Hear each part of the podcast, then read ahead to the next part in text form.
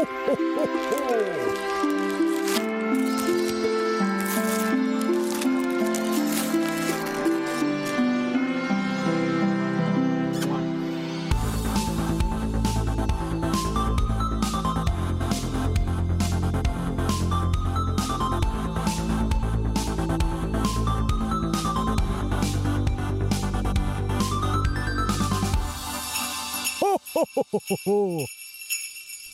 inte är mätta nu, då vet jag inte vad. Det här är Nördliv. Det är efter den där julkoman som kallas julafton. Visst, det finns de här resterna kvar och vi tänker ju på rester, för det är ju så här rester av spel. Gamla spel, nya spel och varför inte då förkovra sig i en viss spelserie som jag tror, mm, ja, kanske många förknippar med jul. Kanske inte just spelserierna mer som filmerna. Vad är det då vi snackar om, jag, Fredrik, Danny och Emil? I detta juliga juldagsavsnitt? Jo, Sagan om ringen, fast i spelform. En bra inledning. Ja, det, tack. Ehm, vi får se om det fortsätter. För det är så här, det, är ju det har ju gjorts många spel, men det, det har gjorts eller inte många så, det, om man, vi kollar lite så här när man har uh, researchat lite så här, okej okay, det har gjorts spel, men det har inte varit överdrivet mycket spel. Som i vissa andra licenser så har det varit liksom ett spel i kvartalet i 50 år, känns det som. Mm. Men i det här fallet så har det varit liksom, det började på 80-talet, sen så mer eller mindre, det, det tog sin tid med en del spel. Det kom inte ut några eh, riktigt stora bangers. Och sen så blev det ett hopp mer eller mindre och sen först på 2000-talet så kom det igång uppenbarligen i samklang med filmerna då. Så att eh, jag tänker vi ska helt enkelt ta oss en resa. Vi ska hoppa tillbaka i tiden, kolla på vart spels, eh, spelen i Sagan om ringen form då kommer ifrån. För att sen hoppa till vart det tog vidare, avsluta på vart det är och framförallt gå lite in på vilka guldkornen är för oss personligen lite, lite gott och blandat. Sådär som man känner att en, eh, kanske en dag som denna kan vara skönt att lyssna på lite så här förstrött. Och vem vet, kanske ni får sug att se filmerna eller dra fram något av de här gamla spelen ur någon gammal GOG.com gömma eller liknande. eller en emulator om det är riktigt gammalt. Ja. Ja, men vi hoppar tillbaka i tiden så här, och det är inte att vi behöver hålla oss så länge på de här, utan arvet då, vart börjar det i spelform egentligen? Och jag tror eh, var det börjar tydligast är väl i spelet The Hobbit från 82. Uh, eh, och det här var ju ett spel som kom liksom till Amstrad och till C64 och herregud till Mac och ZX Spectrum och allt möjligt. Men vad som stod ut med det här egentligen, att det var ganska, ja som man kan gissa, väldigt sparsmakad grafik. Ändå liksom eh, på ett band, kassettband man spelar. Och mer eller mindre baseras det då på uh, The Hobbit uppenbarligen och uh, då ett textbaserat fysikspel. Um, jag vet inte, det finns inte så mycket att säga mer om det här än typ frågan, har ni någonsin sett något av det här, vart det började? Eh, jag har sett på spelet på YouTube såklart. Mm. Och det ser ju väldigt mycket ut som ett spel för sin era i alla fall. Sådär. Mm. Väldigt många spel som jag körde som hade liksom den här estetiken och liksom upplägget på hur man gjorde saker och ting. Så det var ju som sagt, det är ett barn av sin era. Precis, för det är ju ren text här. Skriva East och North och Wait och allt vad det är. Ja, de har sin skärm liksom, men det är rätt. Det, det är en sån där genre som känns väldigt daterad när man mm. börjar spela den. Så, men det... Precis. Ja. Jag tror det som stod ut med just det här spelet var att det hade ju textbaserat, men då och då sköt den in bilder. Så, det, så, att det kunde vara liksom, ibland så ser man då Rivendell som en så här väldigt crude uh, målning i, på en tidig sån här uh, dator eller vad man vill kalla det. Uh, och sen så går det tillbaka till text och så säger men säg till Elrond hello och skriv read map och du vet sådana här saker. Eller bara skriv eat lunch. För man spelar ju som The Hobbit då. Uh, Men Fredrik, då är frågan, vilken lunch tar du? Är det mellan eftermiddag, förmiddag, kväll? Ja, det är ju just det. Det är ju frågan. Um, men på, på många sätt och vis, det är där vi har egentligen början då, för att jag menar Hobbit, uh, det, var, det är ju och var ett ganska simplistiskt spel. Uh, även om det var säkerligen många som då bara wow. Och det är ju intressant, för det är ändå prick 40 år sedan mm. det släpptes mm. liksom. Men det är ju, om man tänker lite grann att, när vi tänker på Sagan och ringen och allting idag Mm. i spelform eller överhuvudtaget så är det ju ett, på ett helt annat sätt än vad man tänkte på det då. Precis. Eh, att det, det här var ju verkligen, om man ska säga att nördar som ville ha ett Mm. spel baserat på en av sina favoritböcker och Exakt. gjorde ett spel. Eh, Exakt. Så det, det var nischat redan då. Ja, och just den här upplägget med att ha textbaserade spel, det är egentligen det som är merparten av spel på tidigt 80-tal. Alltså det är ju allt från uh, Lord of the Rings Game 1 till Shadows of Mordor. Faktiskt fanns det ett som hette det redan då. Även om det hette The Shadows of Mordor. Uh, alla de här är ju textbaserade och det är egentligen jag vet inte, jag tror det är mer när man börjar nå in i 90-talet som spel försöker att ta och göra någonting nytt. Jag vet att uh, Lord of the Rings på Amiga försökte ha lite mer uh, gameplay, det var ett RPG. Eh, men det är ju så här, fortfarande då så var det ganska så uh, crude, enkelt så. Men vad, vad ska man säga liksom? Det är ju tidigt 90-tal, hur bra kan det vara? Så. Jag tror de gjorde så, okej det är fel att säga, men så gott de kunde många av dem. Mm. Eh, för det första av de här som jag faktiskt har spelat är ju det som kom 90 från Interplay av alla ställen. Det här, eh, vad heter det? J.R.R. Tolkiens Lord of the Rings Volume 1. Ja, precis Eh, den. Ja, och det, det är ju så här, det är coolt att kunna röra sig omkring i världen och så. Men Mm. spelet i sig är ju ganska bajs. Om man ska vara krass för det håller bara inte. Jag spelade SNES-versionen visserligen och det var så extremt oförlåtande att Dark Souls, Dark Souls känns som Mario 64 liksom. Mm. Det, det är den nivån det är på. Ja, och just den här, det här spelet var ju en adaption på även den här Ralph Bakshi-filmen, om jag minns rätt. Oh. Så att eh, de försökte, de hade ju små filmsekvens, om jag minns rätt, från den i sig. Eh, Men annars så var det så här liksom, du, du har en eh, top-down vy med eh, dina hobbitar. Och sen så ska du liksom välja olika saker att göra i menyn, nästan lite peka och klicka så. Men också samtidigt röra i miljöerna. Så, men det, det är liksom 90. Man får, ja, vi har ju alla varit barn i början, så att säga, och även Sagan om ringen då. Kan man lugnt säga. Eh, men jag tänker vi hoppar över hela 80 och början på 90-talet, för ärligt talat, Det hände det, inte det, mycket. det hände inte så mycket. Det är så här, nå- de försökte, men den tiden av, av spelkonsoler eller eh, spelmaskiner riktigt, kunde inte riktigt producera något. Och dessutom var det ju väldigt länge som Sagan om ringen överlag inte var riktigt hett. Om vi ska vara helt ärliga. Ehm, det var ju egentligen först med filmerna som det faktiskt blev hett. Mm. 90-talet, 80-talet var det ju mer som Alltså det är en viss publik, men det var ju en ganska liten publik. Det var ju med mainstreamifieringen av Sagan om ringen-filmerna som, som det blev något för alla. Ja, för att eh, det finns ju en finns ju en lätt förklaring till varför det liksom är tio, hopp, tio års hopp emellan. För 92 kom senast, det var eh, volym 2, The Two Towers. Och sen kommer The Lord of the Rings, Fellowship of the Ring, utav de större eh, spelen så att säga. Efter att filmerna hade kommit. Så att, för att Mm. de hade ju bara så mycket de kunde göra och alla spel från den eran är ju så snarlikna ändå ju så. Det var kanske liksom, lägg det på is, vänta på tills, tills vi kanske har gått lite mer framåt i utvecklingen. Mm, Men det är Ja. ganska i- intressant utveckling där egentligen just för att The Two Towers bombade ju lite grann. Det, Mm. För det kom bara till PC-maskinerna kan man väl säga då helt Mm. enkelt. Ehm, och möttes med dålig, eller ja, dålig kritik och dålig box office eller vad man kan kalla det. Och sen var det inte förrän just 2002 egentligen där eh, det, det är intressant där, för då, det är då vi får Lord of the Rings, Fellowship of the Ring eh, som ett spel, men det är inte baserat på filmen, utan det är Mm. då baserat på böckerna, vilket var en annan licens. För att, eh, ja, det är en väldigt intressant era vi går in i där, när spel, Mm. eh, spelen baserade på filmerna kommer. För de, det finns egentligen bara, ja, vad ska man säga, det tar sin start, eller avtramp i de två tornen Mm. av alla spel, eller ja, filmlicensierade spelen. Så mm, det är weird. Precis. Just de här, eh, början, de här första spelen är ju mer baserade på licenserna från Tolkien eh, Enterprises. Så, och, och den här War of the Ring också. Och likaså The Hobbit då som, som eh, samma där. Det kom alltså en ny Hobbit 2003 då, som Mm. jag syftar på.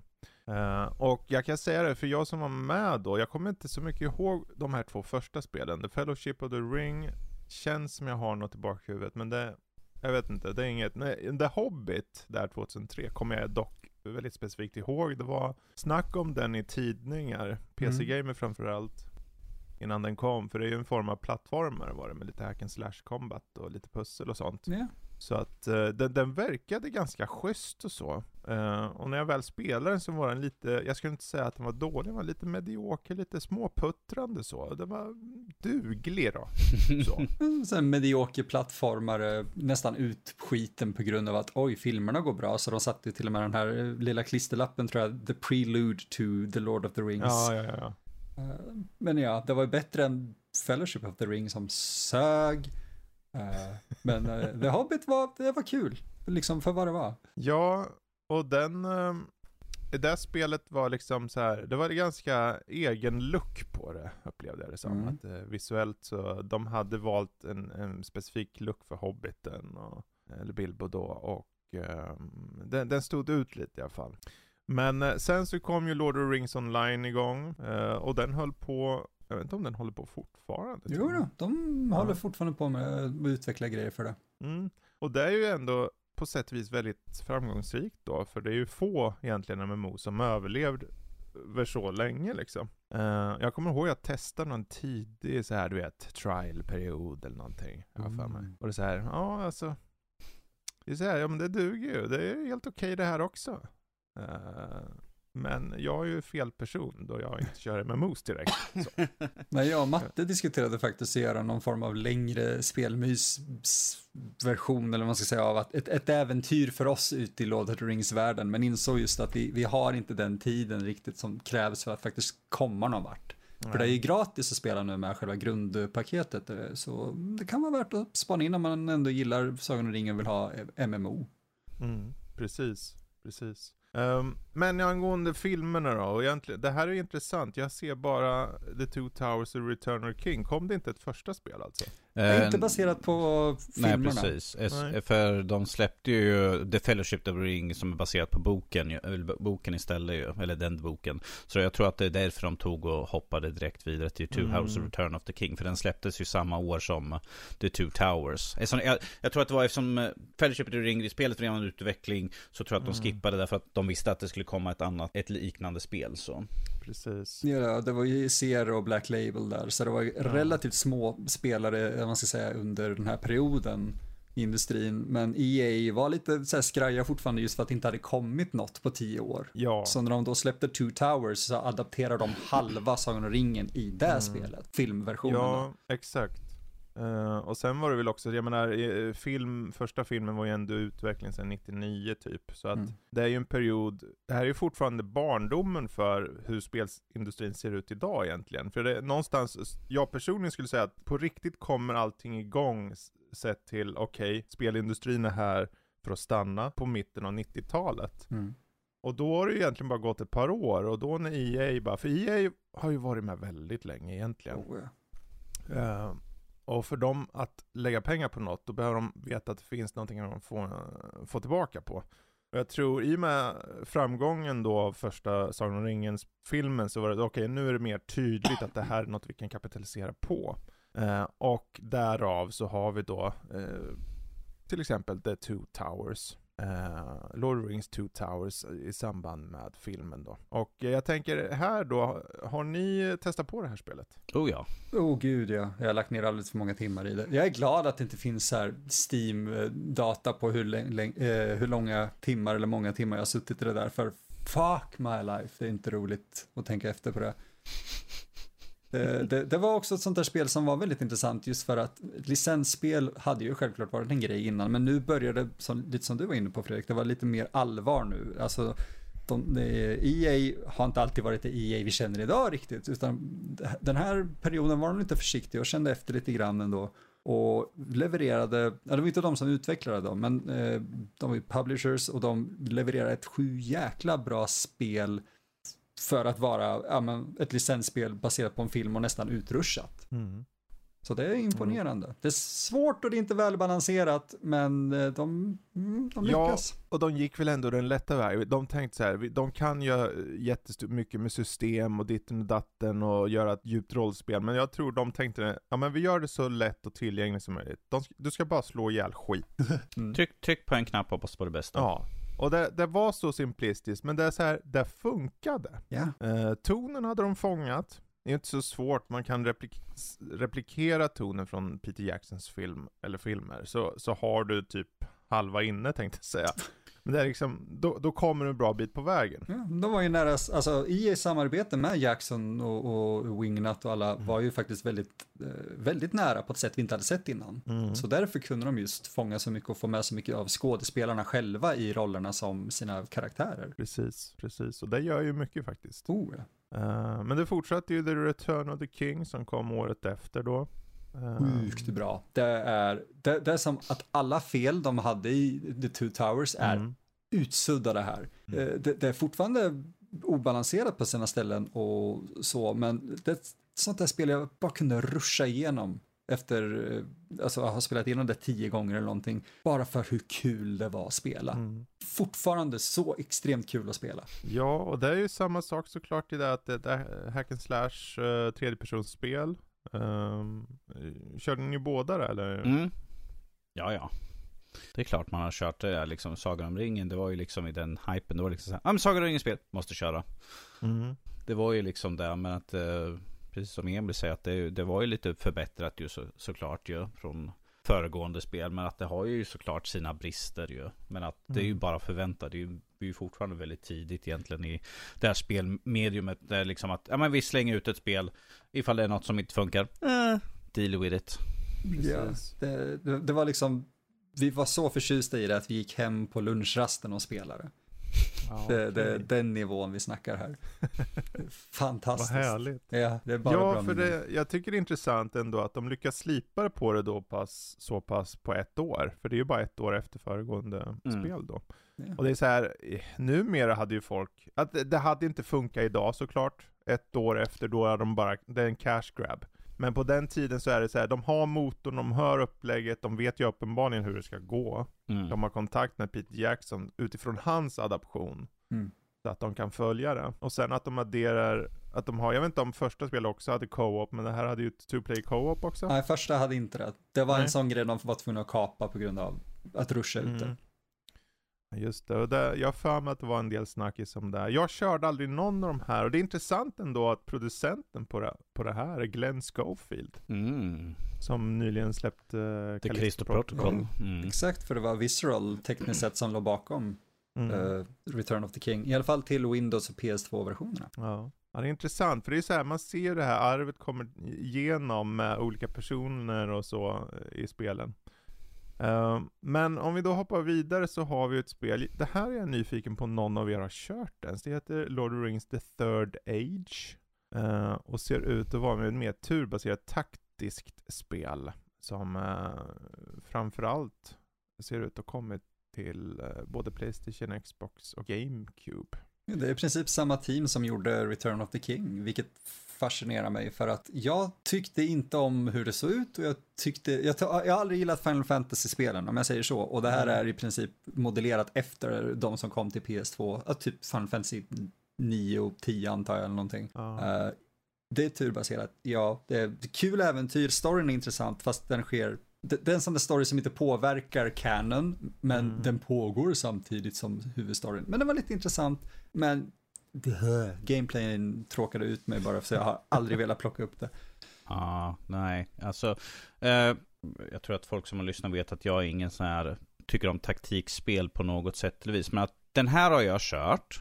Precis som att jag har kört Lord of the Ring Tactics som var ett PSP-spel också. Bara för att det var Sagan om ringen.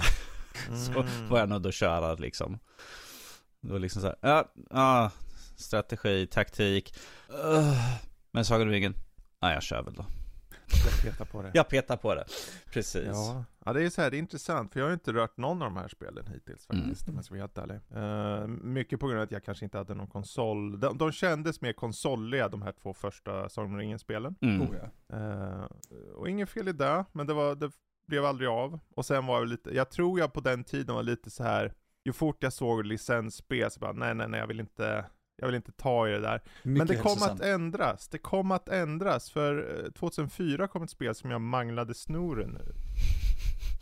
Bokstavligen. Och det är The Battle for Middle Earth. Mm. Eh, Slaget om Midgård som är då en RTS-version eh, av, av filmerna då, adaption. De har eh, fått med röstskådespelare allihopa mer eller mindre. Ja. Och eh, du får spela egentligen, du väljer ju vem du spelar, du kan ju vara Orch lika gärna. Mm. Ehm, och just det upplägget att de kombinerade, för den här studion hade lyckats ganska bra med eh, den här typen av spel tidigare. Och jag var så här, men hur blir det då? Kan det bli bra ens det här? Eh, Men mycket riktigt, man hade i det här då fasta platser för vart du bygger din bas. Det var inte att du fick välja var som helst på kartan, det var som runda platser så här, områden. Här kan du bara bygga. Och då var det ganska mycket taktik i där då. Sen, eller ganska mycket att ta i.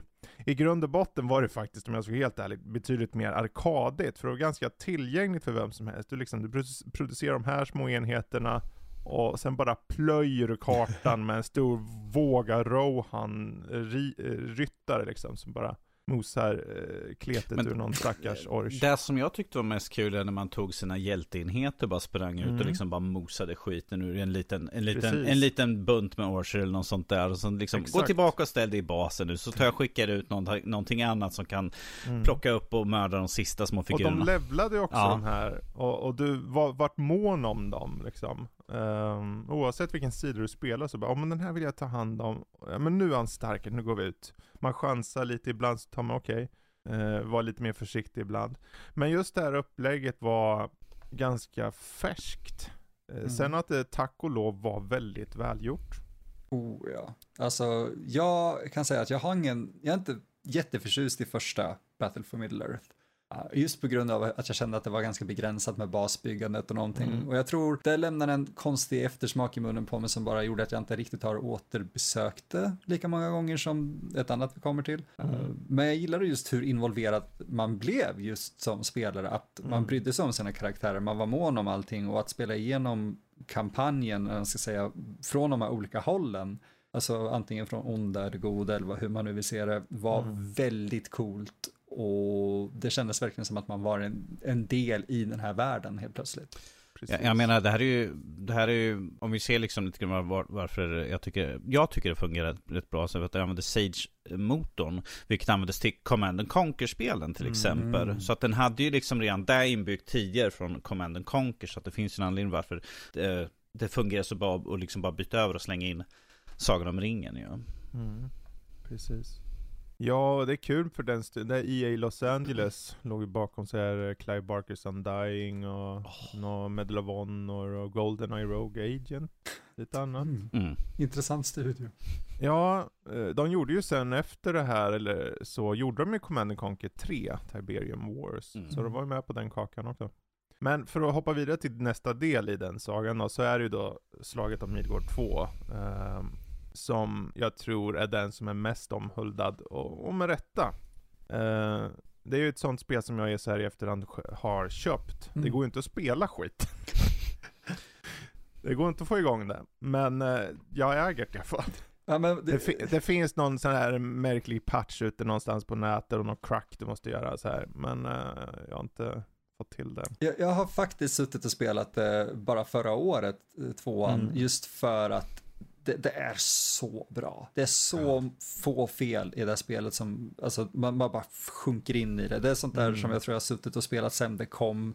Eh, kanske en, en gång, inte en gång varje år, men varannat år så plockar jag fram det. Och jag är så glad att jag själv också äger en version av Mm. det, just för att de, på grund av licenser och rättigheter, eh, det ges inte ut längre. Det säljs Nej. inte längre. Och det är så extremt synd på grund av vilken nästan genredefinierande vilket, ja, alltså det är så bra, det är så sjukt att det inte går att få tag på längre. Eller ja, det går att få tag på och en fan-remake håller på att göras av det som Mm. ser väldigt bra ut, så håll, håll koll på det.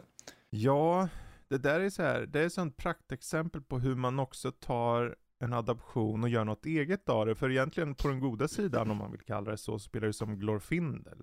Just det. Och då är det ju en, eh, det är ju en eh, sån här alv som är då hänger till där Rivendell, men det är ju ingenting som har med filmen att göra på det sättet. Och Tom, Bom Tom Bombadil också är ju, Ja, just är ju det, med i precis. spelen. Det är intressant för att de hade faktiskt tillgång till de karaktärerna där och egentligen tillhör, jag vet inte hur rättigheterna är nu, men vissa av de karaktärerna tillhörde ju bara boken, eller böckerna i slutändan. Så det är det, vissa karaktärer fick användas i vissa Mm. spel och andra fick inte göra det. Det är en sån här lustig jävla härva. Men det var lite kul att kunna just utveckla världen och ta in fler saker från det universumet eh, som vi inte hade sett innan som ja, fans av filmerna. Om vi, om vi säger så här, som vissa sådana här hardcore-fans var ju missnöjda att Tom Bombadil inte fanns med, så fanns i alla fall med i spelet, man kunde få Mm. leka runt. Något som jag tycker är intressant med de här spelserierna, eller just den här spelserien, är att du har ju de två kampanjerna. Du har god och du har ond. Den, den goda är ju liksom mer eller mindre, vi följer filmerna egentligen, så att du ska liksom ta död på allt ont. Men att ifall man vill se liksom ett alternativ, liksom, vad händer ifall du leker som eh, Sauron och liksom tar död på det goda och liksom blir ondskans mästare. Mm. Så det, det tycker jag är rätt kul liksom. Det är ju en väldigt sån här tidig som till exempel eh, Star Wars Kotor liksom att du kan spela som ond eller god liksom. Vad händer ifall du går till den mörka Mm. sidan och väljer att köra den här? Och här kan du liksom köra en hel kampanj liksom. Du är ondskan liksom. Ta över världen och liksom försätta den i mörker. Mm. Ja, det är uppfriskande på ett lustigt sätt. Ja, ju Ja. precis. Och det, det är, som du var inne på, det är så fruktansvärt synd bara att den inte går att få tag på på ett, på ett bra sätt. Den, Ja. Hade den funnits på Steam hade jag köpt den rakt av. Åh gud, jag hade köpt det för fullpris förmodligen. För att Ja. så mycket tid jag har lagt i det, jag, jag vill ha en bra fungerande version som jag kan spela när som helst utan att behöva Mm. fibbla med skumma patchar och grejer. Då hade det varit en sån här full stream med Emil. Åh gud ja, båda kampanjerna. Med, med, med kommentarer av Danny och Fredrik. Så där ska du inte göra, du kommer döda. Det kommer där. Men eh, vi hoppar vidare och vi har ju, det, det kom ju däremellan också ett Lord of Rings eh, Tactics. Yes. Ja. Ehm, det här är inget jag någonsin petar på, för det stod Tactics. Jag, tänkte, men Jag har, jag har det liggande i sin låda här borta någonstans. Så.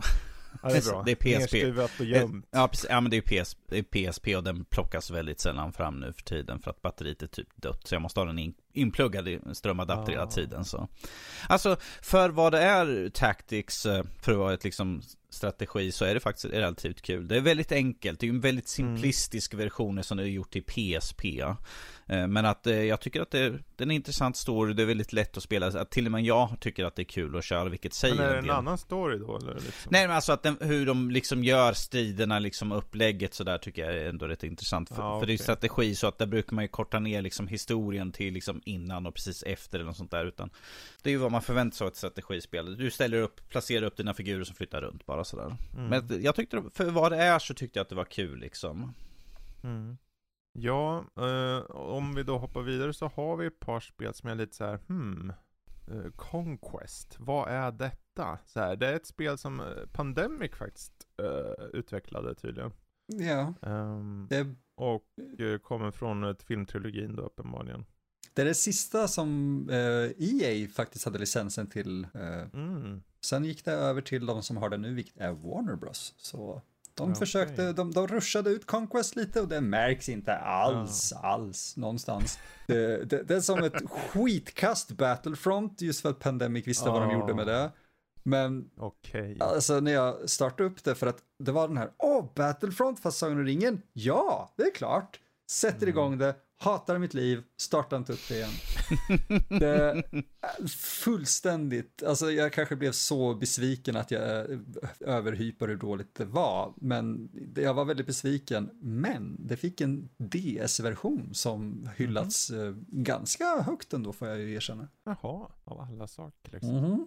Ehm, var det likadant med Aragorns Quest? Ja, det är också skit. Det, det, det är sånt där spel som, som många av de där eh, licensspelen utvecklades. När, när, vad blir det nu, femte och sjätte generationens konsoler fanns samtidigt så började, de, de började så här, åh, här har vi Aragons Quest till Playstation 2 och Playstation 3 och sen fortsätter de att försöka marknadsföra som att det är samma spel. Det var det inte. Mm. Det var absolut inte samma spel. Jag, jag köpte det på en second hand, helt nytt för typ så här 20 spänn och bara åh, till Playstation 2, det kan vara kul. För jag hade sett trailern till PS3-versionen tror jag. Mm. Det är som Baby's First Adventure, liksom. Det är så här, ditt barns första Sagan om ringen-spel. Det är sjukt dåligt och Samwise Gamgee sitter och typ återberättar Aragons historia för sina barn. Medan man spelar som som, han inte var med på och, uh, hmm. Ja! Alltså det är ett Alltså gameplay till det här spelet är inte mycket att hänga i julgran så Du springer eh, Det börjar att man eh, spelar som Vem är det man spelar som i början? När man, Ja, för man är, alltså Frodo, fast... Frodo springer omkring i, st- i stan, i i byn och ska göra uppdrag liksom. Och sen får man träning hur man slåss och det är liksom Jag- tråk, jag- tråk deluxe. Ja, och jag vill bara påpeka att jag tror, jag har för man är Frodo fast Sams son Frodo. För att, åh, han ska hem och där Mm. Ja, börjar för, att, Sam för att man ska berätta. göra saker emellan och sen berättar Sam mer utav historien hela Ja. tiden. Och det är liksom, uh, kan vi bara få liksom någonting med att det är bara rent tråkigt att köra Mm. det här spelet. Jag körde det på PSP också så. Fast nu måste jag ju skaffa de andra versionerna bara för att testa om jag hatar dem lika mycket känner jag. Så. Eh, jag har hört att Wii-versionen är den sämsta utav dem allihopa. Då är det Så den jag skaffar Det är knappt fungerande vad jag har hört i alla fall. God jul allihopa. Precis, god Vi jul. fortsätter. Eh, War in the North kom efter, apropå paj-saker. Eh, det här var ju ett spel som, jag tyckte om premissen. Det var ju mycket det här flerspelarläget då. Man spelade, Mm. det var tre spelbara karaktärer. Ja. Och det här var en berättelse som, som eh, gick simultant typ i bakgrunden Den- av jag, originalberättelsen. jag tror den utspelar sig precis lite grann efter de andra sakerna. För att när man kommer till nya områden så kanske liksom, ja men Aragorn har varit här redan. Jaha, Aragorn har redan Mm. varit här. Då måste vi snabbt ta oss vidare för att komma ifatt honom mer eller mindre. Precis, men man tar ju en annan rutt sen. Ja, Eh, än, och det är ju något som anspelas på i, berätt, alltså i Sagan om ringen eh, på böckerna. Mm. Att det är någonting som händer på en annan plats, jag kommer inte ihåg vad den heter. Men eh, oavsett så här, jag kommer ihåg jag satt och lirade här med Ice, min dotter, och, och det var så här, det fanns, det fanns stunder då det glimtade till. Tyvärr var det ju väldigt paj. Jag kommer ihåg att jag var tvungen att sluta för att jag fick en game breaking bug. Vi kom inte Oh. vidare. Eh, man skulle gå till en viss plats, det var uppe på någon snöig bro och sen så bara, nu trycker du här. Och så gick det inte att trycka. Och sen så, ja, Ah. bara stopp liksom. Ehm, så att eh, det är tråkigt, men det, det fanns någonting där. Men just de här game breaking buggarna var ett issue som jag tror drog ner spelet på det stora hela så för att den hade mixad respons. Det är ju en slags tredjepersons spel för övrigt. Ja, Eh, Väldigt hack and slash. Alltså, ja, hack and slash. ser intressant ut men ja. Men att man har tre olika karaktärer och en är alv, en är dvärg och en är typ en ranger har jag för mig. Så Mm. att det var lite variation där. Men eh, ja, det blev ju aldrig så mycket. Ja, och de kom aldrig riktigt till att patcha ordentligt heller. Eh, men det hade någonting, jag kan inte sätta fingret. Jag tyckte om berättelsen i det. Faktiskt. Just den här andra taken på vad som händer i bakgrunden av Sagan om ringen. precis. Det, det är kul att liksom få liksom, du kommer kanske senare till de, där de andra, där gänget redan har varit och så får man se eftersviterna kanske. Mm. eh, vad som har hänt. Det där tycker jag är lite kul. Plus att man kunde byta emellan de tre olika karaktärerna. Så att man körde en bana kanske som alven, en bana som man körde som dvärgen.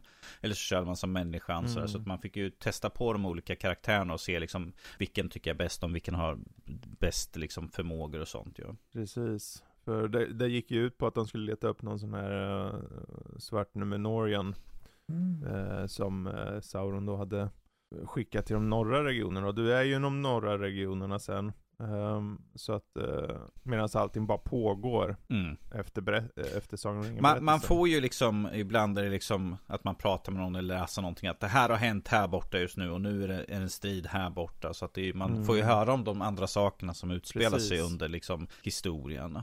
Jag förstår Ja. varför de gör det, men jag får också en sån där känsla av show don't tell lite grann när de refererar till andra grejer. Jag förstår ju varför. Det är lite fanservice, det är lite kul. Men när det blir för mycket så blir det lite den där, varför är vi inte där och gör det Mm. istället? Fast det var inte så mycket. Det Okej. var, alltså jag upplevde det aldrig som att det var mycket, utan det var bara här och var, och som att någon karaktär bara nämner att, ja men jag såg ju någon ranger som var här. Mm. Och, så att, och ibland är de mer tydliga, men ibl- överlag har jag för mig att liksom, i och med att den Det är typ, divergerar det, det, och går det, till en helt annan plats. det är liksom bara liksom så här i plotten liksom när man kommer till ett nytt ställe liksom. Ja men det var en, det var en, en, en alv som var här alldeles nyss med ett gäng liksom. Eller, det, det nämns inte kanske så här ordagrant liksom att Aragorn var här utan, eller, och eh, Gimli var här utan det var ett gäng som precis kom förbi här. Så det är liksom Mm. lite mer vagt så att det är bara att det har hänt någonting här. Jag tror den, den intressantaste delen var att man, där han, man räddar ju en stor sån här örn. Uh, Oh. Jag tror han hette Belleram eller någonting. Och att det blir en ganska stor del av berättelsen sen. Och eh, lite tragisk också jag för mig. Ehm, så att det tar och går till en helt annan plats rent världsmässigt så. Men um, oavsett, den kom och den gick. Sådär. Eh, och många av spelen gjorde lite där. Jag menar, spelet som kom här efter heter Guardians of Middle-earth. Ja, just det. Och det är sån här MMO, Battle Arena, Video Play. Jag, vet, jag, jag körde aldrig det här. Eh, nej, nej. Så att eh, det, ibland kommer sådana spel, för ibland bara pushar de ut. Warner Bros var duktiga på det. Men samma år kom ju då Lego Lord of the Rings som tack och lov följde då väldigt mycket just den här formeln som de hade vid det här laget då fått i rullning då. Mm. Ja, det var väl ett av de första de hade där karaktärerna pratade också, har jag för mig. Eh, ja, det är väl ett av de första. Visst, de har ju haft ljud och sånt på karaktärerna tidigare, men jag tror att det här är det första som de har eh, Lines, alltså repliker. rikt- riktiga repliker. Sådär. Mm. Och jag tyckte, alltså, Lego Sagan om ringen var fantastiskt verkligen. Det var sjukt bra och återberättade hela trilogins story Mm. på ett fantastiskt bra sätt för att vara anpassat till Lego. Mm. Nu är det där just, det blev ju en skön kontrast i att när de säger, för de har ju lines från, alltså det är ju uppenbarligen voice acting från de här filmerna. Men vad de säger och vad de gör samtidigt kan då skifta sig från filmerna. Så att de kan ju kanske säga någonting eh, lite så här efter filmen och sen så fumlar de med någon ring och tappar den nästan eller någonting. Så att det blir lite så här. Det är Det är, fortfarande det är- Lego-humor. Ta- Traveler Tales humorn där. Ja, Mm, väldigt väl eh, hanterat tycker jag. precis. Fast det är ju lite mer för att det är ju det är väldigt mörkt egentligen. Du springer omkring och ser folk höger och vänster egentligen. Om vi ska se krasst på filmen är. Du tar från plats A till B. Du mördar allt som är i vägen, Orchard och allt sånt där. Men så gör vi lite skämt liksom. Oh, har du ren? Jag tappar den liksom sådär. Något sånt. Mm. Ja. Liksom för att liksom lätta upp stämning. För att det är ju barnspel. Men att som vuxen så kan man få, få se liksom en annan typ, man kan läsa in en annan sak på typ repliker och vad som händer. Så att det är ju Mm. både och. Ja, det, det funkar ju inte alla gånger till 100% men jag tycker de har en Nej, bra nej, nej. balans liksom. Mm.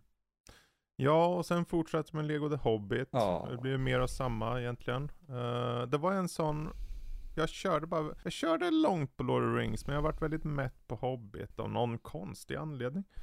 Ehm, men det verkar ju lika, likadant liksom. Ja, det var inga det- fel i det. Problematiskt, ja, det, för att de, konstigt nog så är det baserat på de två första filmerna eh, i Hobbit och så skulle de få en DLC med tredje filmens expansion, eller Mm, kampanj. ja. Sen gick ju inte allt det där särskilt bra, så vi har ett totalt inkomplett spel där tyvärr. Fortfarande besviken. Jag är fortfarande upprörd på dem. Jag, jag förstår det. Jag hade velat spela det lite av den anledningen att det, kommer, det får inget slut även om jag vet hur storyn i sig slutar. Ja, Mm. Ja eh, Jag hoppas att de gör som Sagan om ringen, eller som Star Wars, att de släpper en hel pack med hela Lord of the Ring Lego. Liksom, för då kan Ja. de ju faktiskt slänga till och göra som de gjorde med Skywalker Saga här nu. Det precis. vore intressant. Ehm, sen då så kommer vi till en slags nystart på ett sätt. För egentligen så går den ifrån egentligen allt då. För Middle Earth Shadow of Mordor tar en helt annan approach istället. Och här Mm. lever de inte längre i skuggan, haha, kul nog, av eh, filmerna riktigt. Nej, inte alls. Det enda egentligen kopplingen är ju att eh, Gollum är med och Gollum är väldigt lik eh, Sagan ringen-filmernas Gollum. Mm. Ehm, men utöver det så tar det här en helt annan vändning sett till att det är tredje persons eh, open world typ actionäventyr. Eh, och du spelar en, eh, en ranger då som eh, försöker såklart få ut sin hämnd på Sauron efter att Sauron i inledningen av hela spelet börjar med att hans fru och barn mördas framför honom och han själv dör. Bra grejer. Eh, den är ganska mörk från start och den är, den är ju på sätt och vis lite av en Assassin's Creed i Sagan om ringen skrud. Mm. Sådär. Väldigt mycket så. Så det är parkour och du rider på stora monster och du tar dig upp på stora så kallade Forge Towers för och när du slår i dem liksom på toppen så öppnar upp ett område. Eh, och varför du slår i dem är för att du har en Wraith, eller en ande eller hur man vill kalla det, i dig av självaste Celebrimbor. Den här smeden då. Mm. Eh, Så att eh, den kombon då, han är ju en alv, eller var, så han har ju någon slags, eh, vad är det, pilbågar typ. Mm. Mm. energipilbågar. Medan du är en melee-karaktär mer eller mindre med förmågor. En ranger typ. Ja, han är en ranger. Mm. Um, och det här är egentligen XP och liknande. Uh, jag kommer ihåg just att det stod ut med det här Nemesis-systemet. Uh, där du har egentligen, du dödar, eller du slår ner en Orch och han kommer ihåg dig. Alternativt du dödar en annan Orch och då kommer någon annan Orch upp i hans position. Och på så sätt så skapar du hela tiden att olika orcher kommer ihåg dig, de anpassar sig efter dig och så vidare. Och de får bättre rang och bättre förmågor då utav mm. det. Plus att det här var ju Sagan om ringen söker över till mer eller mindre öppen värld också. För att du kan ju röra dig väldigt fritt egentligen. Jo, som Men, sagt, tredje persons open world action-äventyr. Ja. Jag tycker det är kul att de liksom gick den här routen istället för liksom bara fortsätta med de andra spelen. Att vi följer exakt storyline. Utan vi tar ett klivet och, liksom och gör vår egna historia som kan ha hänt vid sidan av. Som, det finns ingenting som påverkar direkt eh, huvudhistorien. Rakt upp och ner ju sådär. Nej, krig, krig, krig är ju ändå över hela hela stället så att, att någon, någon och mördar lite orcher höger och vänster och ändrar deras hierarki. Det kommer ju inte märkas av ändå ju så för att de är dumma och dör ändå. De snubblar upp sina egna fötter och liksom sätter ett svärd i huvudet. Så här, Oj hoppsan. Ja, men det blev lite så här ännu mer intimt och personligt, vilket är en av de stora aspekterna jag gillar av det. Istället för typ rädda världen eller sådär så var det mm. just ta, ta din hämnd. Det blir mm. större och mer involverat eh, i handlingen senare och så, men jag gillade ändå att det var på den nivån. Mm. För att mm. jag själv under den här perioden var väldigt trött på just, och det är bara du som kan rädda världen eller hjälpa den här mm. och rädda världen. Och bara fuck it, nej jag vill bara hugga någon i ögat liksom, det är allt jag vill. Uh, och det fick du göra kan jag säga, för det var mycket gud, slafs i det här. Men, huvuden flög av konstant. Ja, men jag spelade faktiskt på PS3 först. Mm. Det var väldigt intressant för det var, det, det, var ett av de där sista spelen som släpptes och fortfarande visade vad de här konsolerna kunde. Men det märktes också att de kämpade för att kunna hänga med överhuvudtaget.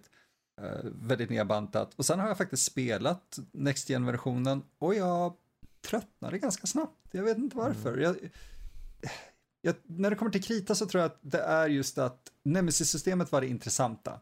Annars var det allt jag inte tyckte om, vilket var typ Assassin's Creed-like. jag vet, Danny blev upprörd på mig där, men det, det... Jag vet vart du bor. Ja. Jag kommer smyga en buske utanför. det är intressant att ha ditt perspektiv där. För mig var det ju tvärtom. Jag, jag fann ju det här till att vara det årets bästa spel. Mm. Jag tror vi, jag kommer inte ihåg, det var ju så tidigt det här. Det var ju, när är det här? Det är 2013 eller? 2014, 2014 är det här. Så det är ju precis när vi började podden då faktiskt. Um, vi började ju podden en månad efter det här typ. Woo. Så jag, jag, för, jag kommer ihåg att vi pratade, vi har, vi, om vi, pratade om vi har pratat, avsnittet. Vi, har pratat ganska mycket om, dem, om uh, det här och då uppföljaren som vi kommer till alldeles strax. Ja, det har ju blivit under tror, åren. För min del så var det just den här tillfredsställande gameplayet var bara, okej okay, det var, ja det var ju väldigt Assassin, men det var Assassin på, av de bästa delarna av Assassin. För jag var inte så mycket för Assassin's Creed sett till stealth-mekanik. Mm. I det här finns det ju inte någon stealth-mekanik så, det finns ju typ, men ärligt talat, du vill ju hugga huvuden av orcher. Yeah. Så det handlar om, kombon de gjorde var ju Assassin möter Batman Arkham-serien. Yeah. Så att du hade kombinationer, du fick liksom, okej okay, du får in den här movement liksom, du kommer in i det, du känner att du får ett flöde liksom och du bara hugger huvud efter huvud, eh, liksom så. Så det, för mig så vart det så här, okej okay, nu har de äntligen hittat åtminstone någon egen ton, någon egen berättelse, någon egen liksom sak som de kan bygga på. Um, och det för oss ju då till uppföljaren då som heter uh, Shadow of War. Ja, den är ju inte, jag tycker inte om den här personen lika mycket som första. Uh, den hade ju problem rent så här, kritikermässigt på grund av att den hade massor med mikrotransaktioner mm. som kom. Uh, som de sen ändrade och tog bort helt. Mm. De gjorde en Diablo 3. Ja du menar Auction House? Precis, eller? plockade bort det sen efteråt. Ja, det är ju en helt annan sak egentligen. Jo, jo. Men... Eh, jag vet inte, det var så här, det blev, det färgade ju, mm. tyckte jag. Och det är så här, spelet var bra, men det var inte, det blev för snabbt färgat och det blev lite för same same Så här är jag nog, ungefär som dig där med när du började köra om eh, första spelet. Mm. Jag, jag kände, ja men jag, jag ville ha storyn, men storyn var, jag tyckte om storyn, men den var okej okay som bäst. Yeah. Uh, och då, då hänger mycket på att gameplay är solitt. Det var solitt, men inte sådär, jag måste köra lite mer så som jag kände i första spelet. Nej, jag, tror, jag, jag hängde med så mycket i första spelet därför att det var Sagan om ringen och jag saknade den världen ur ett mm. nytt perspektiv. Det, det, intressanta är just att du, du har ju helt rätt i det du säger om att det var en mix av liksom Assassin's Creed, det bästa ur Assassin's Creed och det bästa ur typ Arkham. Ingen av serierna tycker jag om. Jaha, ja men då är det ju redan kört. Ja, precis, men ändå så Alltså jag ser vad Arkham-serien gjorde som var väldigt coolt mm. liksom med sin eh, rytmiska stridssystem och allting. Och jag ser vad Assassin's Creed gjorde som var fascinerande för mm. många. Och jag, har, jag försöker verkligen varje gång, för att jag vet att jag hela tiden tänker jag ska sätta mig ner med det igen. Bara mm. för att jag gillar världen så mycket. Och jag älskar idén om Nemesis-systemet, vilket jag avskyr att de har typ patenterat. Uh, men det, det, det, liksom, det bara, uh, det klickar inte med mig. Och det är så Nej. synd. Uh, jag, jag, tror ju att för mig personligen var ju att med det här tvåan var att Precis som alla andra uppföljare, vi måste ha mer, mer, mer, vi måste ja. mer. Det ska vara större, men att mm. i vissa sammanhang så kanske liksom bara, håll det tight. Ja. Mm. Håll det liksom till det som gjorde första spelet bra. Precis. Du behö behöver Precis. inte slänga på ett ton med liksom nya saker. Utan då blir liksom, det blir för mycket saker att hålla koll på. Liksom, då, liksom, då sitter man där liksom, vänta hur skulle jag kolla den här saken, vänta nu, vad var den här grejen igen? Mm. Vilket gör att publiken tappar den ganska snabbt sådär egentligen. Så att liksom ibland är liksom det enda rätta liksom, gör som första spelet, håll det tight, håll mm. det till liksom vad som fungerar, vad folk älskade hos första spelet. Vi behöver inte slänga Precis. på nya funktionaliteter. Assassin's Creed är, är ju, om vi tar Assassin's ju... Creed, är ju ett praktexempel, får titta på första, du hade liksom kastkniv och liksom svärd. Nu i senaste spelen, du har liksom fan och hans moster ett kylskåp du kan dra fram och slänga på folk sådär.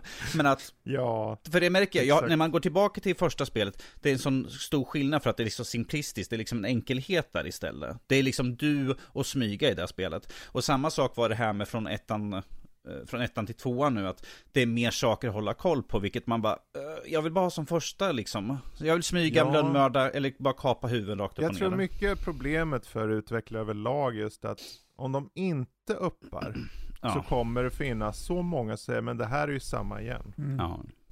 Och, och sen om de uppar för, för, mycket, då är det så här, men det här är ju, det här är ju för mycket. Ja. Men det är den där klassiska att publiken vet men inte vad de vill ha. Men egentligen alltså, om man ska hårdra till vad det som är nytt så är det follower-systemet bara. Så att det är mm. ju inte rent spelmekaniskt, är det, det är ju att, för mig personligen är det att det är samma spel men för lite uppgraderingar. Alltså det är för lite för nytt. Mm. Så att det kändes som bara en utveckling av de första, men å andra sidan är det ju samma sak med de flesta spel. Du vet, åh, oh, bara om jag får spela mer av det här. Och så får du mer och så blir du glad. Mm.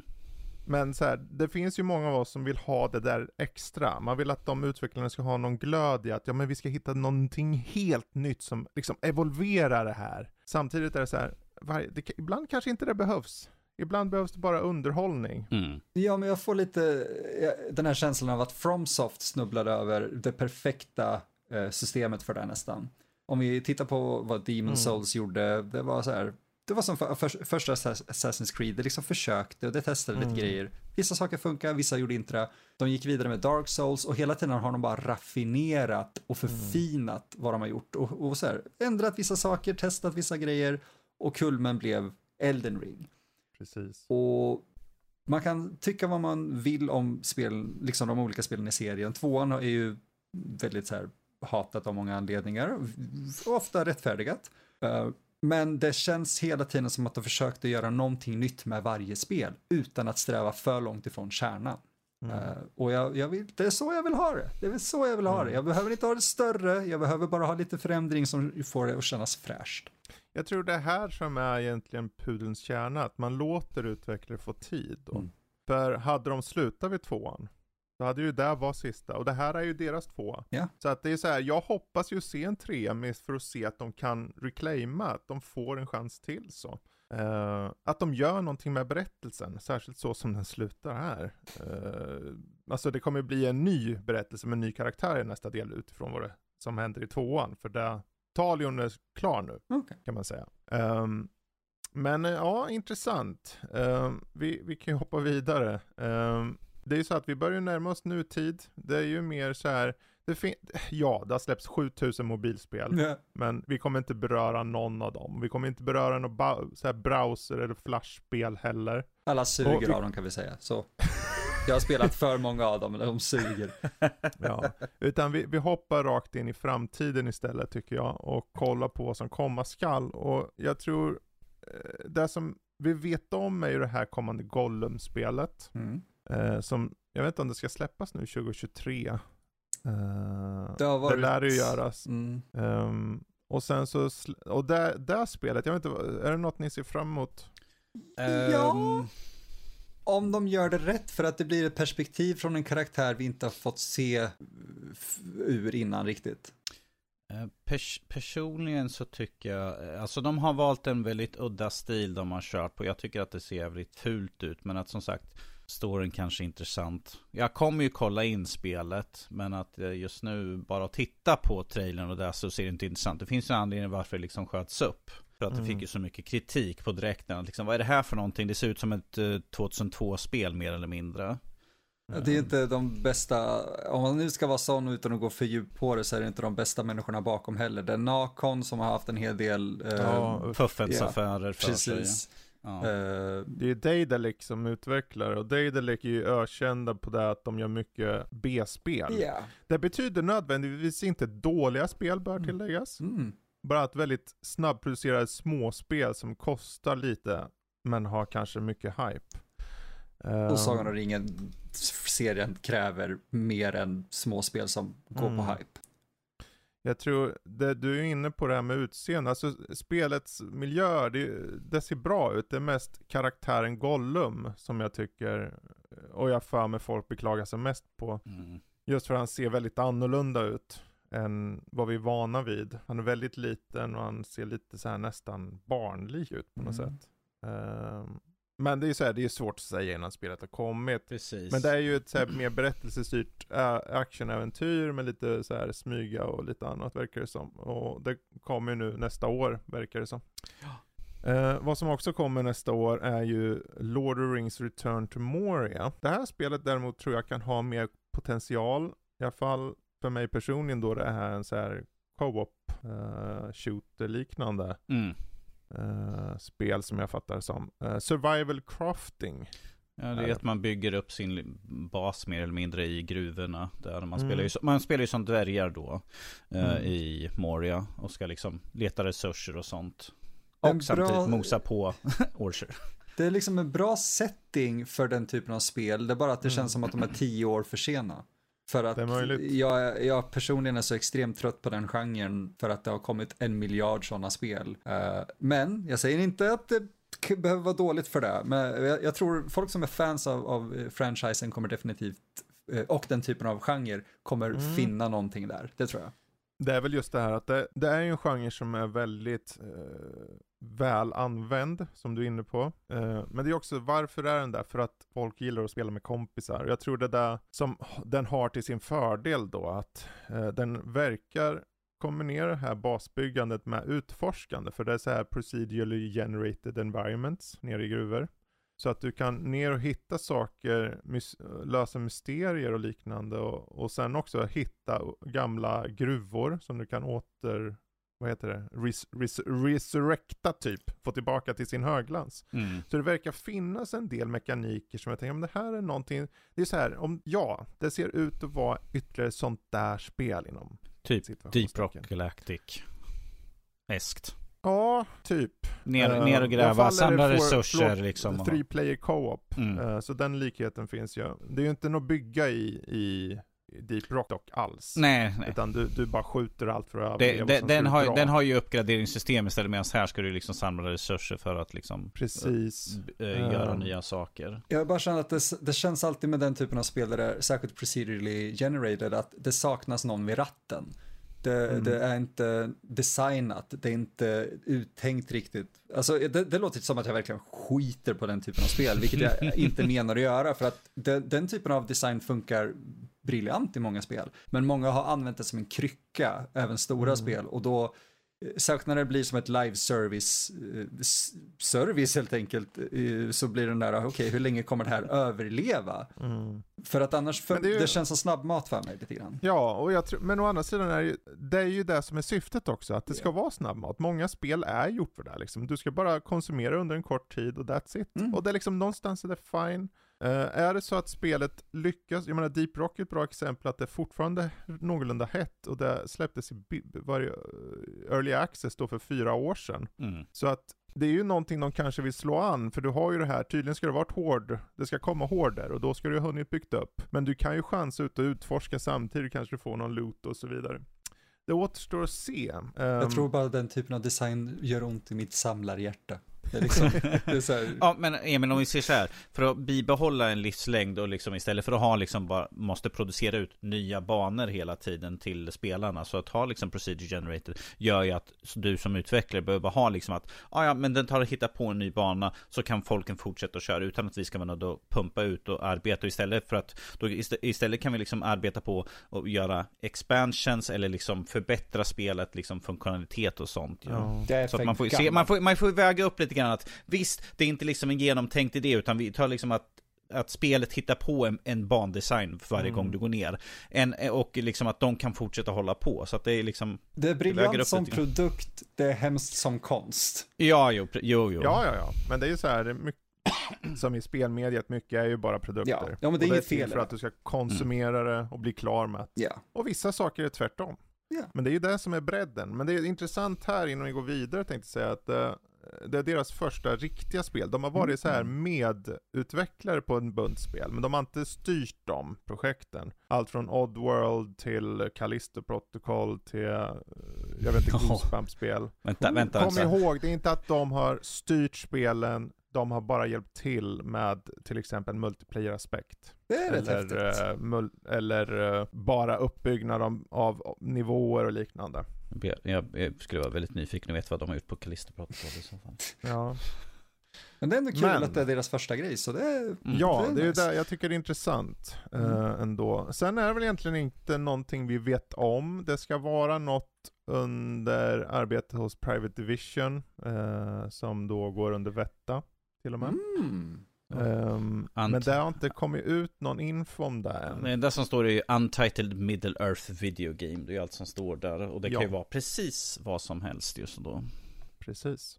Men det Och, som jag tycker är eh, fördelen med eh, det är att det står att det kommer till current gen i alla fall. Att det inte är liksom bakåt Mm. på det sättet. Att, det, förhopp- att då finns i alla fall chansen att de kör på någonting som kräver en lite kraftigare Mm. maskin. Så vi kanske får något som är snyggare. Ja, så den, den sägs ju komma 2024. Om vi inte har blivit av med gamla konsolerna då, då vet det fan. I, I den här takten så folk kommer fortfarande sitta Åh, jag vill ha PS5! Ja, de får skylla sig det, Jag menar, Hogwarts Legacy fick ju en försenad release nu till de gamla konsolerna just på grund av att de suger. Ja, Eh, kanske, skip, kanske skippa det rakt upp och ner sådär.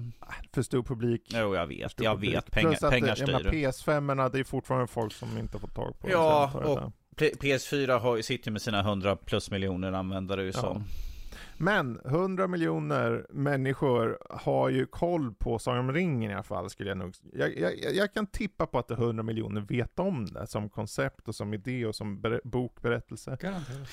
Och då är det så här, vi har ju liksom spelat och sett så många av de här spelen, men jag tänker om vi ska gå på ett personligt plan då. Om ni ska välja ut någon av de här, nu har vi ju redan gått och pratat mycket om dem, så vi vet ju vad vi tycker. Men Mm. är det något som känner, det här spelet ni ska plocka upp Oj, idag? Om det går, om ni har tillgång till det vill säga. nu blev det ju, när du sa det på det sättet blev det helt plötsligt svårare. Det, Eh, jag tycker det är ganska enkelt. Mm. Lego, jag- Lego Sagan om ringen, utan problem. Är- då Sagan om ringen, inte Hobbit. För att Mm. kör du Lego Sagan om ringen så får du den kompletta samlingen i alla fall. Då får Mm. du liksom hela sviten sådär. Och du får liksom storyn på ett humoristiskt sätt. Kan du sitta med Mm. barn eller liksom som vuxen. Jag, är- jag är 40 plus och jag, jag njuter av spelet fortfarande sådär. Ja men härligt. Ja. Eh, jag hade nog definitivt sagt Battle of Middle-earth 2. Jag är inte förvånad. Men det är så här, det är bara så fulländat i sin genre, vilket är konstigt för ett RTS. Ja, Det är så här, hur kan något vara så tillgängligt? Det Mm. borde vara en genre som inte passar alla. Men det gör det. Jag vet inte hur de fick till det och ändå så här, om man som sagt, det är ju bara så här, om ni fick välja vilket spel som helst och det var tillgängligt, vilket skulle det vara? Då skulle jag nog sagt det. Mm. Det är bra. Det var bra att du tog det, för att då kan jag ta ett annat faktiskt. Så i så fall säger jag Return of the King. Mm. För att helsike vad de lyckades hitta hur man balanserar till ett bra co-op-spel, uh, couch co-op. Uh, på, baserat på en jävla filmlicens, det är helt sjukt hur de lyckades. Um, men jag lite snabbt bara också slå ett slag för eh, Sagan om två tornen och Sagan om ringen, eller Sagan om konungens återkomst till GBA. För de är underskattade de maskinerna och de spelen var faktiskt riktigt bra små RPG-stunder. Mm. Så eh, fasen, men Return of the King till typ Playstation 2 och eh, GameCube väljer jag då. Mm. Jag, jag, jag, är väldigt nyfiken, när blev ni introducerade till Sagan om ringen överhuvudtaget? Sådär? Alltså bokform eller så. När, när, när kom tolken in i era liv sådär? Ifall ni kommer ihåg? Det är ju så här, ja det är en intressant fråga. För mig är det så här, jag hörde om det tidigt. Men jag läste inte Sagan om ringen från gymnasiet. Mm. Så, och eh, om jag ska vara helt ärlig så tyckte jag den var upps, överskattad i bokform. Mm. När jag läste den. För den var, näst, det kändes nästan arrogant skrivet i det att, ja men så högtravande. Utan jag tror att, även om jag tyckte om det, för jag gillade ju väldigt mycket fantasy, jag läste väldigt mycket fantasy på den perioden. Jag uppskattar ju an, en, någon annan, en annan serie mycket mer. Men det var ju när filmerna kom som det slog till och man förstod, okej okay, vad bra, de, de har inte bara lyckats få till det här okej, okay, de har lyckats till det så bra det bara, jag tror inte, jag vet inte om det går att få till det bättre om jag ska vara helt ärlig, i filmform. Jag tror inte mm. det. Det, det, det, har ju talats väldigt mycket om just att du kommer aldrig någonsin kunna komma en typ, du, du kommer aldrig någonsin kunna, kunna göra film på samma sätt som Sagan om ringen gjordes. Det mm. var i princip utanför studiesystemet fast inom studiesystemet fortfarande. Det var så mycket saker som inte får hända egentligen på grund av försäkringar och skit som kunde ignoreras när de gjorde dem. Men så går det när du tar en indiefilmare mer eller mindre Exakt. och slänger honom i en storbudgetfilm. Men Emil, när blev du intresserad till Tolkien och Sagan om ringen sådär? Jag, jag tror att det är ungefär när första trailern till första filmen kom. Uh, mm. För jag tror det till och med var någon av mina föräldrar som sa, men titta här, det kanske ser intressant ut för dig. Det var ju samma period som Harry Potter-filmerna började, eller böckerna började filmatiseras. Och jag var ju mm. helt såld på dem. Så de sa så här, men titta, det är magi och skit också. Och helt plötsligt så var jag fast där. Och det, på den vägen är det. Och böckerna är som magi de är liksom. och skit. Ja, men det var liksom den nivån ja men titta där, det, det, är bra, det är bra, titta där, det är en massa oh, troll och Jesus. grejer. Så, alltså jag tittade sönder de VHS-kassetterna, alltså det är helt oh. vansinnigt. Jag, jag kommer känna mig riktigt så här gammal. Så när jag var ung så introducerades jag i, måste vara det tredje klass. Mm. För att eh, innan vi började eh, lektionen på skolan så läste min eh, lärarinna, läste ett par sidor varje morgon ur The Hobbit. Oh. Så att, ja, The Hobbit. The Hobbit. Så att det var så jag introduceras till tolken liksom. Så att The Hobbit var ju mm. först liksom, och sen senare när hon, när man blev lite äldre, eh, typ högstadiet, så läste man Sagan om ringen då. För att jag visste liksom mm. att, ja men det, vi har ju The Hobbit liksom. Men att det är liksom bara början på en stor svit liksom som kommer sen. Sen blev jag intresserad där igen. Så att jag hade liksom från tredje klass visste jag redan om det. Och, ja, jag tror du menar bara Sagan om ringen, för du sa Sagan om ringen. Men Nej, jag... alltså jag menar Tolkien, Sagan om ringen, hans eh, verk liksom på det sättet. Ja, okej, okay. ja, men jag läste Hobbit tidigare. Okay. Den är ju en barnbok. Jo, det var därför hon läste, det var i tredje klass som sagt ja. så. Och sen var det ju i högstadiet så var det ju Sagan om ringen som jag läste sen ju. Jag kom, apropå Hobbit, jag började ju läsa den eh, för, uh, jag tror det var Julia, min yngsta mm. dotter. Nu, nu är det ju ett par år sedan. Ja. Jag, låg, jag la mig ner och hon låg och lyssnade och tyckte det var skittråkigt att fråga varför jag läste den här jävla skitboken. Jag bara, men vad fan det är ju Hobbit, den är ju gjort för dig. Jäkla unge. Jag läste den förra läs någonting och... bra sa Nej gud, mitt hjärta. Fredrik, ifall du skulle ha gjort något sen Honda så, så skulle du liksom säga att det här läppstiftet matchar det här och det här är det och det här är det för att de tycker om smink och sånt där. Det hade varit bättre för att läsa en reklamkatalog för något sånt där istället. Fast det här var ju innan sminken. Ja, ja, okej, okej. Fem, sex Greta år. Gris hoppa över parken. Åh oh, nej, skjut mig. Men Sagan om ringen kommer bestå tror jag. Det är så här, det, vi har ju en del intressanta saker framför oss. Private Division är ju uppenbarligen det som vi är nyfikna på då, vad, vad de arbetar på. Embracer har tillgång till licensen. Mm. De köpte möjligheten att göra licens, eh, saker på licensen. De har inte köpt licensen, de har köpt, möj alltså de har köpt möjligheten att göra något på den. Så att det, det, det kommer med all säkerhet komma mycket mer spel. Mm. Vilka som gör det blir intressant att se, kan man säga. Ja, för att vi har ju vi har ju spelen där då med uh, Embracer. Vi har tv-serien nu också. Mm. Och uh, Warner har ju inte, har, säger ju fortfarande, det här är bråk om det, om, om licensen där, men att Warner säger att de fortfarande har rättigheter också att göra vidare. Och eftersom Warner gör spel, så är ju frågan ifall de anser då att de fortfarande har rättighet att göra det, ifall det kommer någonting. För de ska ju göra en animerad serie ju.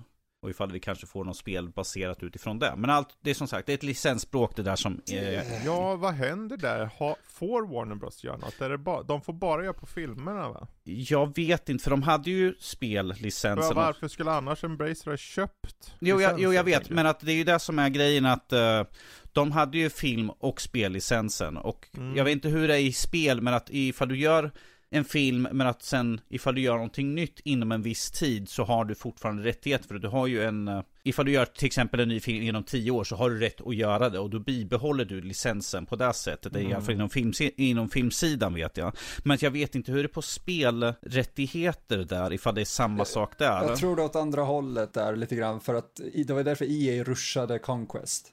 För okay. att de hade den tiden att göra färdigt det. Men som sagt, de kan ju de kan ju fortfarande, ifall de gör sin tv-serie, vilket de anser att de har rätt, det här är fortfarande licensspråk som eh, pågår.